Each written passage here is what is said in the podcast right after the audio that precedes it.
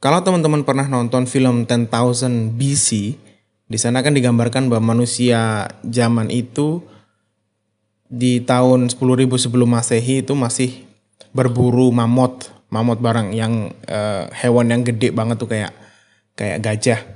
Kemudian di sana digambarkan juga bahwa orang itu uh, berburu mamut untuk mencari pride.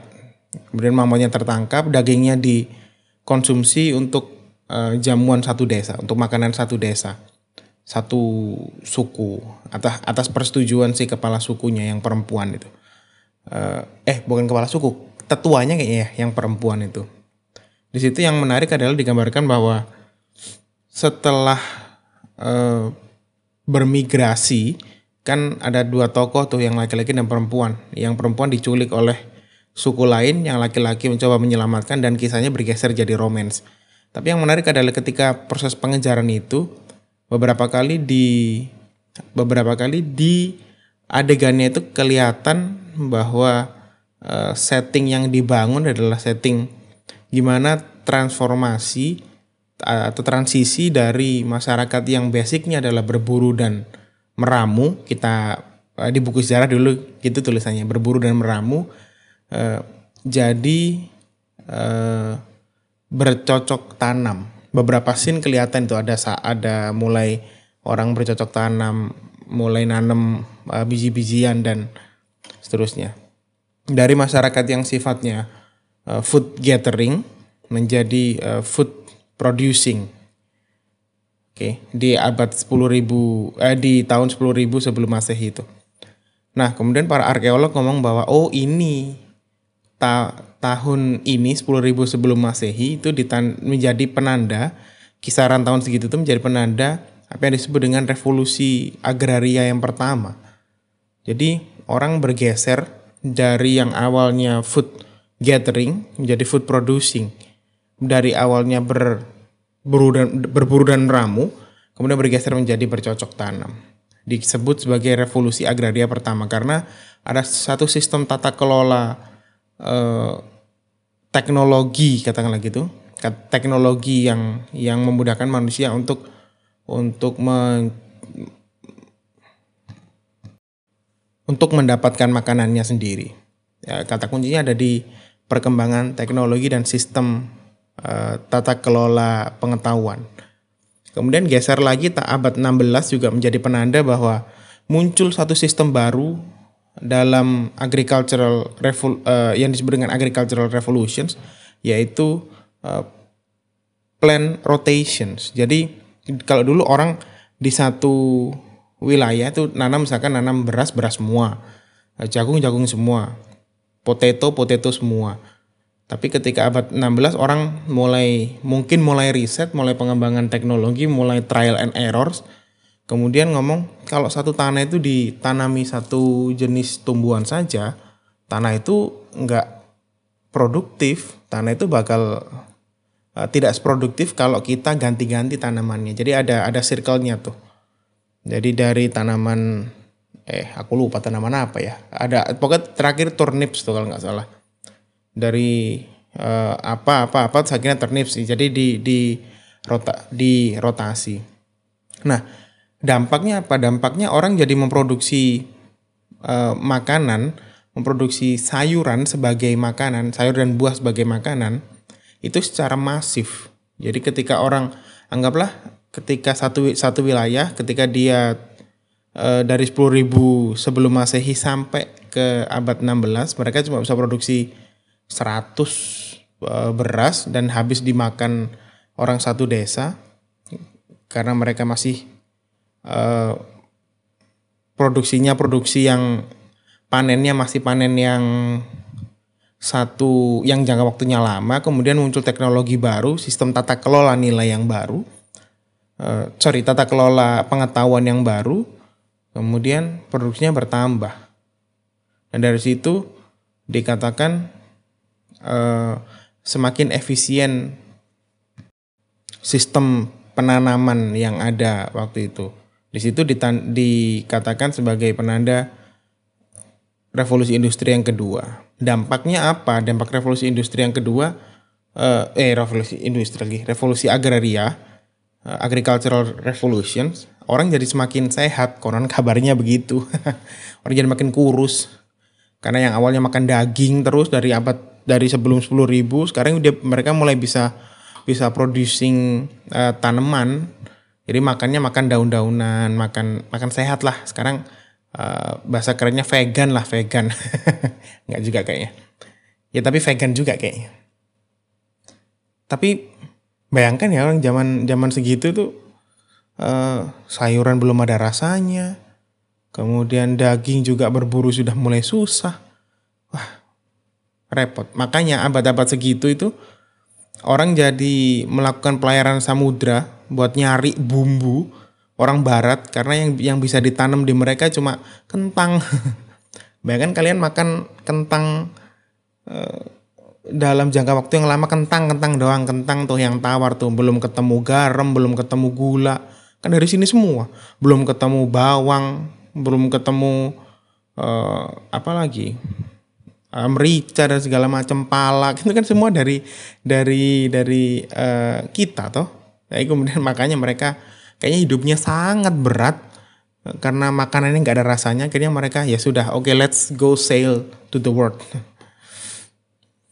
Walaupun waktu itu orang orang percaya uh, dunia itu kan datar ya dunia itu datar uh, masih Kopernikus I'm mistaken. Uh, kemudian bahwa orang orang percaya bahwa dunia itu ada pinggirnya. Jadi kalau dia berlayar ke pinggir dunia mereka akan jatuh kapalnya itu akan jatuh. Kayak digambarkan di teori heliosentris kalau tidak salah. Kalau tidak salah ya. Uh, tapi orang tetap mau berlayar tuh. Vasco da Gama Alfonso de Albuquerque susah banget namanya. Dan mereka tetap mau berlayar dengan resiko-resiko itu. Artinya apa? Artinya hidup nggak pakai bumbu itu berat banget ya. Makanan yang hambar itu lebih mengerikan daripada jatuh di pinggir dunia tadi.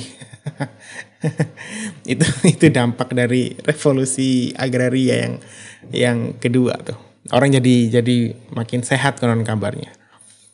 Nah, kemudian penanda selanjutnya adalah ya teman-teman familiar pasti setelah revolusi agraria ada revolusi industri.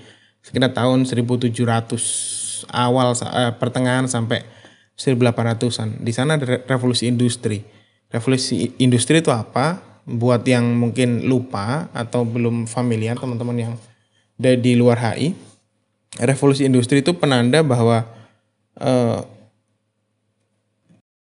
produksi-produksi barang khususnya garment waktu itu pakaian eh, itu yang berbahan, berbahan dasar kapas dan dan eh, sutra sudah ada belum ya?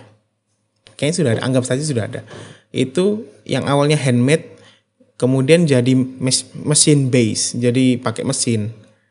Dampaknya apa? Dampaknya jelas pertama produksi meningkat dong.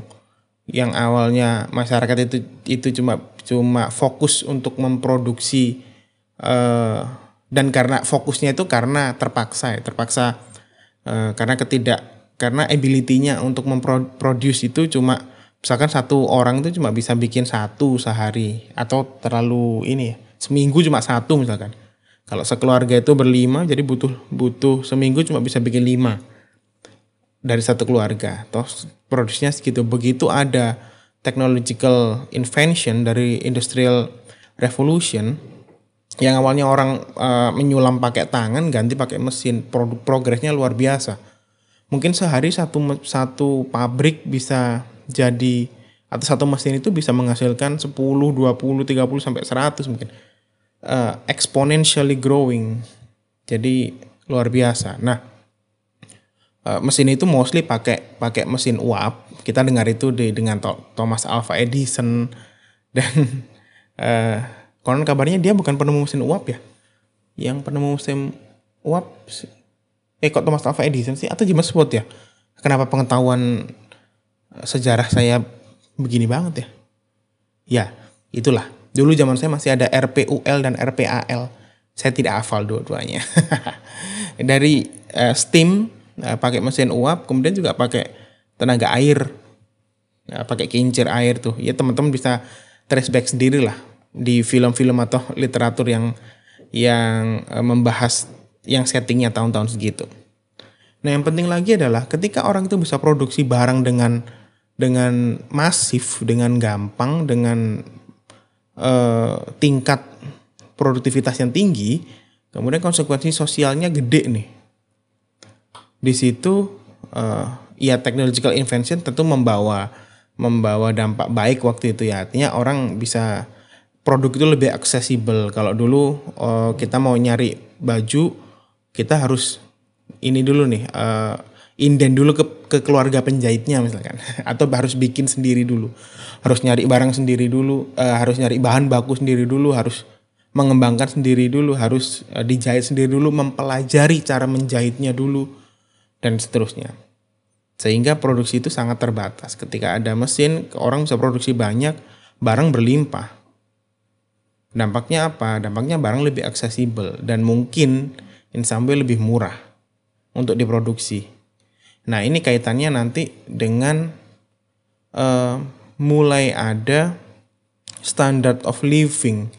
Jadi karena orang sudah karena orang sudah bisa menjual barang dengan masif, bisa menjual barang dengan uh, jumlah yang banyak, kemudian mereka mereka mikir, oh sorry, maksudnya memproduksi barang, memproduksi barang dengan banyak dan memproduksi barang dengan masif yang mereka pikir adalah kenapa nggak dijual ini.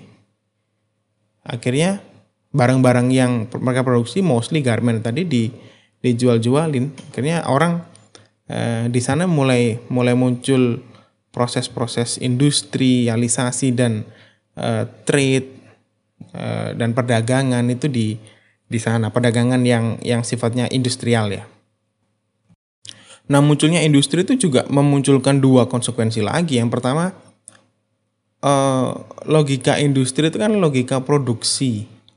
Produksi uh, yang diproduksi secara masif kemudian butuh dikontrol.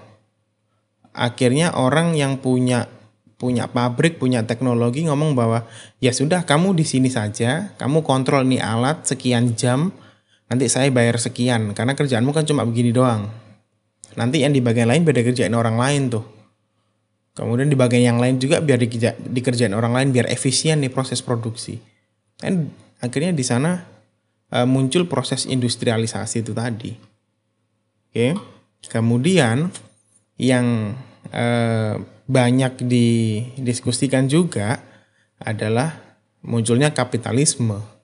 Kapitalisme itu apa? Kapitalisme itu sistem produksi eh, sistem ekonomi yang fokus pada uh, penguasaan kapital Siapa yang menguasai kapital? Bourgeois kalau kata Karl Marx. Oke. Okay.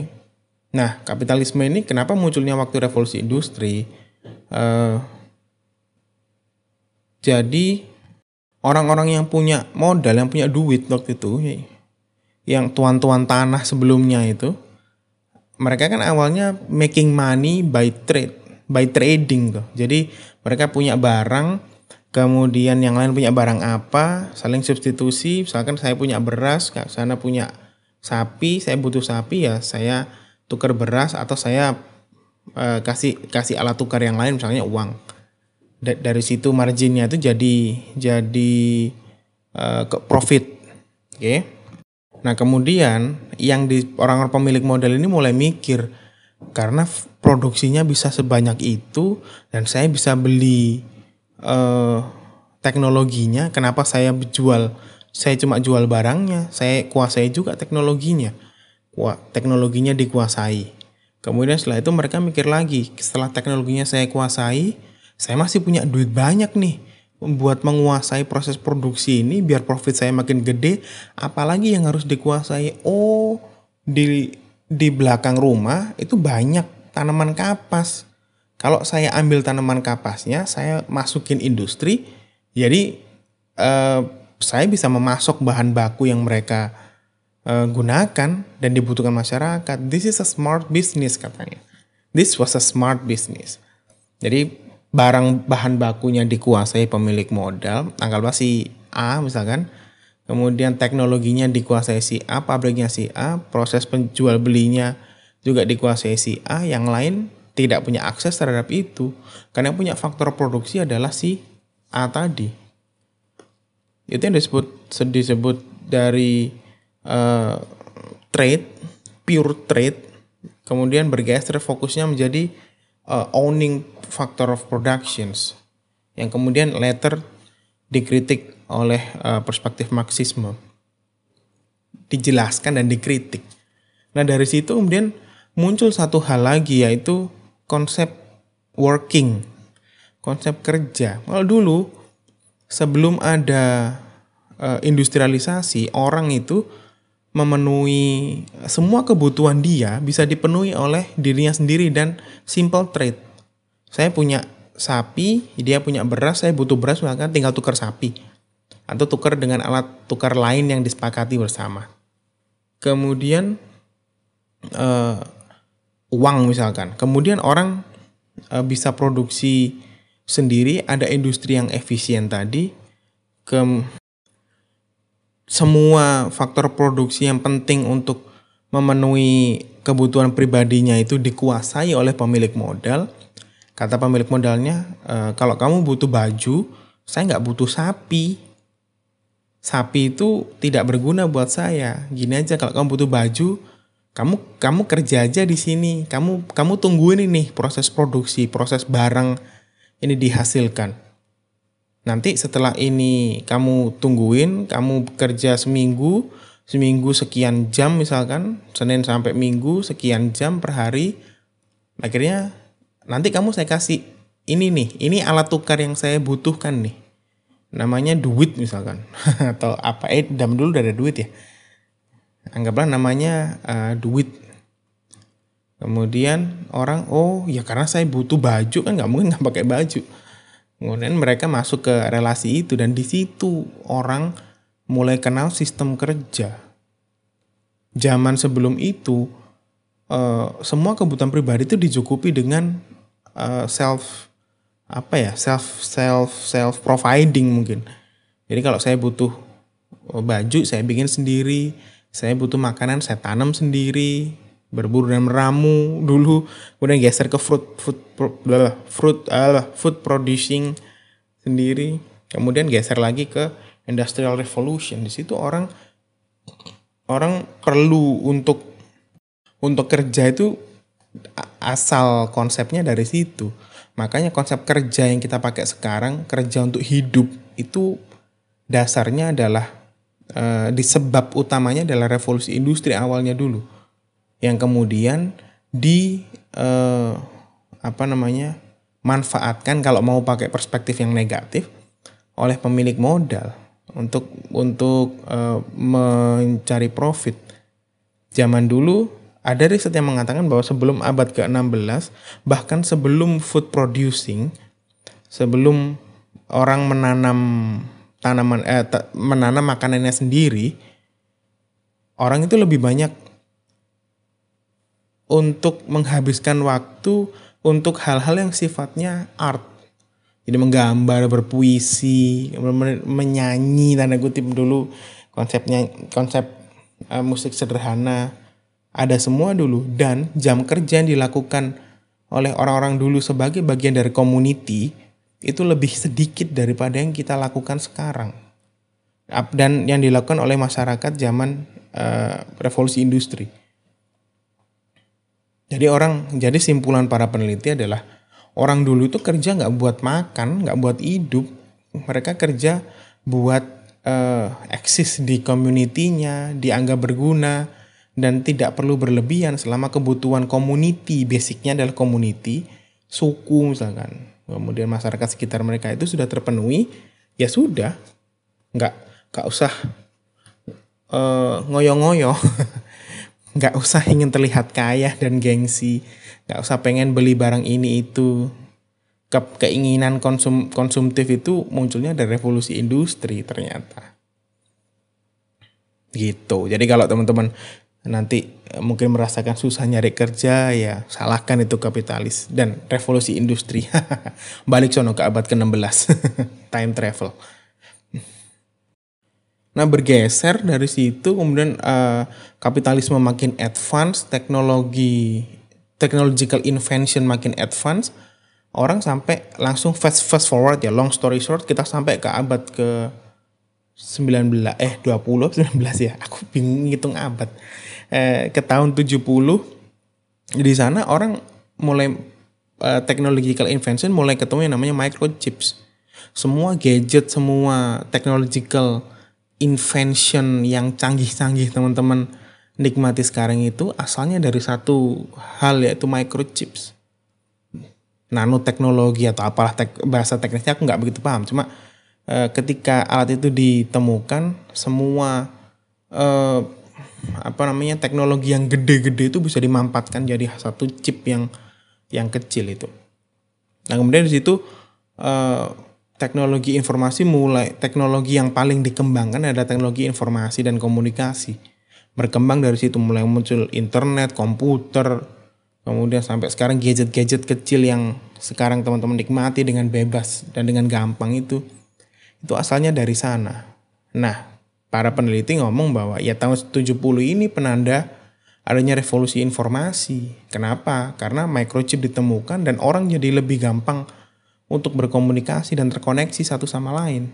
Dengan adanya line of uh, communications yang baru-baru tadi itu, di situ mulainya revolusi uh, informasi yang sedang kita bincangkan di uh, pembahasan kali ini.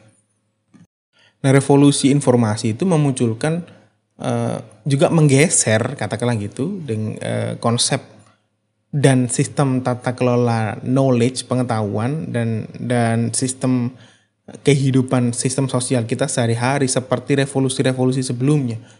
Revolusi agraria, revolusi industri, revolusi informasi. Dampaknya sama. Sama dalam arti menggeser cara kita hidup. Makanya sampai disebut dengan revolusi semasif itu eh, dampaknya. Nah, kemudian kalau ngomong revolusi informasi, biasanya sampai pada titik kita masyarakat society tempat kita hidup, kita hidup sekarang itu disebut dengan masyarakat informasi. Masyarakat informasi itu apa? Simpelnya masyarakat yang dibangun di atas fondasi eh, fondasinya itu bukan lagi industri manufaktur seperti yang terjadi uh, sebelum tahun 70-an, industri manufaktur itu yang dikembangkan di industri uh, revolusi industri, industrialisasi model itu tidak lagi begitu, tapi industri yang berkembang itu industri informasi. Jadi sekarang semua uh, kegiatan ekonomi itu merujuk ke informational economy dan pola interaksi kita itu juga didesain uh, untuk tergantung dengan uh, satu hal yang disebut sebagai informasi. Hal hal simpel deh untuk untuk dipahami. Nah, uh, ada dua yang yang menarik untuk di, dibicarakan di sini. Pertama adalah apa yang berubah dari masyarakat sebelumnya ke sampai ke masyarakat informasi Mungkin pertama yang bisa diidentifikasi dengan jelas adalah eh, pola interaksi kita. Pola interaksi kita sekarang di drive benar-benar oleh informasi. Jadi kalau uh, dulu orang uh, tidak tidak tahu berita di luar itu dianggap uh, biasa saja karena akses mungkin terhadap newspaper, terhadap televisi itu masih susah, terhadap radio mungkin masih susah. Itu karena dengan dengan adanya perkembangan informasi yang luar biasa, kayak gini ketika orang tidak tahu berita di luar itu dia jadi di, devian jadi aneh. Jadi oh really? Kamu nggak ngerti ini? Dan itu mengubah cara kita ber, berperilaku uh, se sebagai masyarakat dan sebagai individu. Banyak sekali contohnya. Mulai dari hal kecil seperti kalau kita nggak bawa handphone kita nggak nyaman dan merasa uh, tidak terproteksi, tidak terkoneksi gitu kan. Kalau pakai data tidak tidak ada kita sudah panik dan dan dan seterusnya. Karena semua lini hidup kita itu sudah diatur oleh uh, tergantung oleh satu satu hal yang disebut dengan informasi. Kemudahan kemudahan teknologi itu juga memunculkan uh, banyak peluang. Misalkan bagaimana kita berdagang sekarang itu sekarang berubah total bagaimana kita belajar bahkan sampai hal-hal intim sampai bagaimana kita memahami hubungan yang romantis kemudian bahkan mungkin konsep pernikahan juga sudah bergeser bahkan sampai hal yang uh, sangat privat seperti bagaimana kita memahami seks, kita melakukan hubungan seksual itu juga sudah bergeser ketika ada masyarakat informasi. Nah ini ini ini mungkin nanti bahasan-bahasan selanjutnya yang lebih detail. Tapi uh, di sini kita kita sepakat dulu bahwa uh, dampak dari masyarakat informasi itu sedemikian luar biasa sampai uh, sampai kita harus menyesuaikan ulang sebagai satu tatanan masyarakat yang yang baru yang yang punya nilai dan konform terhadap uh, sistem kehidupan yang baru. Nah, yang menarik kedua adalah setelah tadi kita bahas apa yang berbeda, sekarang kita bahas apa yang sama dengan revolusi-revolusi sebelumnya. Kalau dari saya jawaban saya simpel, kapitalisme. Pemilik modal itu enggak itu kayaknya pasti ada di setiap proses uh, revolusi, apalagi revolusi yang kaitannya dengan uh, yang mengubah secara radikal cara hidup um, manusia. Hal hal simpel deh. Kalau dulu kita sebut Eh, kita waktu revolusi agraria kita sebut uh, orang yang orang kaya yang menguasai uh, yang punya duit dan punya power itu namanya landlord misalkan tuan tanah di revolusi revolusi industri kita sebut mereka sebagai bourgeois sebagai kapitalis di di uh, masyarakat informasi dengan perkembangan teknologi yang yang demikian kita sebut mereka sebagai pemilik perusahaan informasi. Jadi menuduh. Tapi tapi iya. Uh, ba banyak kritik juga, kritik juga terhadap masyarakat masyarakat konsep masyarakat informasi sendiri. Jadi masyarakat informasi itu sering kali diandaikan sebagai masyarakat yang sangat tercerahkan, sangat berkembang, uh, advance lah, go beyond the expected, bahwa uh, masyarakat sekarang sekarang itu sudah karena bisa mengakses dunia, dunia katanya dalam genggaman begitu, moto salah satu perusahaan supaya tidak kena uh, kita tidak di endorse. dunia dalam genggaman, dunia dunia dalam genggaman kemudian uh, jadi diandaikan masyarakat itu berkembangnya ke arah yang positif terus. Padahal akhir-akhir ini kita mulai ketemu nih kebentur dengan satu uh, bad side katakanlah negatif side dari dari revolusi itu ternyata revolusi sistem sosial itu sering kali tidak diimbangi dengan revolusi uh, atau perubahan radikal dari individunya untuk menyesuaikan. Akhirnya bad bad efeknya mulai kelihatan sekarang. Akhir-akhir ini. Hal-hal simpel yang kita kita amati tiap hari hoax. Orang orang bisa mengakses banyak informasi tapi kemudian tidak punya cukup kecakapan untuk memverifikasi informasi itu dua dua hal yang yang mengkhawatirkan. Itu kalau kalau dari sisi interaksi masyarakatnya uh, ya disclaimernya adalah kita semua memang memang menikmati perkembangan teknologi. Uh, it's magical it's uh, amazing. Bahkan kita bisa uh, dengan satu dua klik kalau pengen nasi goreng tiba-tiba di depan rumah sudah ada penjual nasi goreng bawa hati nggak juga karena kena undang-undang ITE nggak juga karena karena kita pesan lewat uh, apa aplikasi online misalkan. It's magical. Dulu nggak dulu nggak kebayang orang cuma klik-klik uh, pencet-pencet tombol. Bahkan nggak ada tombolnya sekarang pencet-pencet layar handphone gitu. Kemudian muncul apa yang kita inginkan di depan kita. Wow it's magic. It's really it's really a game changer it's really a magic tapi bad bad effectnya yang sering kali tidak dipahami uh, adalah gimana radikalnya perubahan perubahan itu tidak bisa diimbangi oleh cara kita bermasyarakat that's the that's the problem itu problem pertama. Problem kedua tetap ada konsep the have and the have not. Yang mendorong perubahan informasi itu siapa? Eh sorry, yang mendorong perubahan teknologi itu siapa? Nggak mungkin kalau nggak ada yang pemilik modal. Nah pemilik modal ini terlalu naif kalau kita asumsikan pemilik modal ini hanya fokus pada charity. Kan nggak mungkin. Pemilik modal itu perspektifnya perspektif profit. Dan semua sistem informasi yang teman-teman nikmati sekarang itu dikembangkan dari logika pemilik modal. Oke, mulai dari e-commerce, sosial media, kemudian eh, apalagi bahkan sampai aplikasi chatting. Kemudian aplikasi-aplikasi yang lain juga sama. Either you you need to pay to use their uh, service atau teman-teman menyerahkan uh, salah satu hal yang paling privat yang teman-teman punya yaitu identity dan preferensi untuk membayar uh, service yang mereka gunakan. Untuk kemudian digunakan mereka uh, untuk menjual untuk memasarkan produknya kepada kita lagi. Banyak literatur yang membahas itu.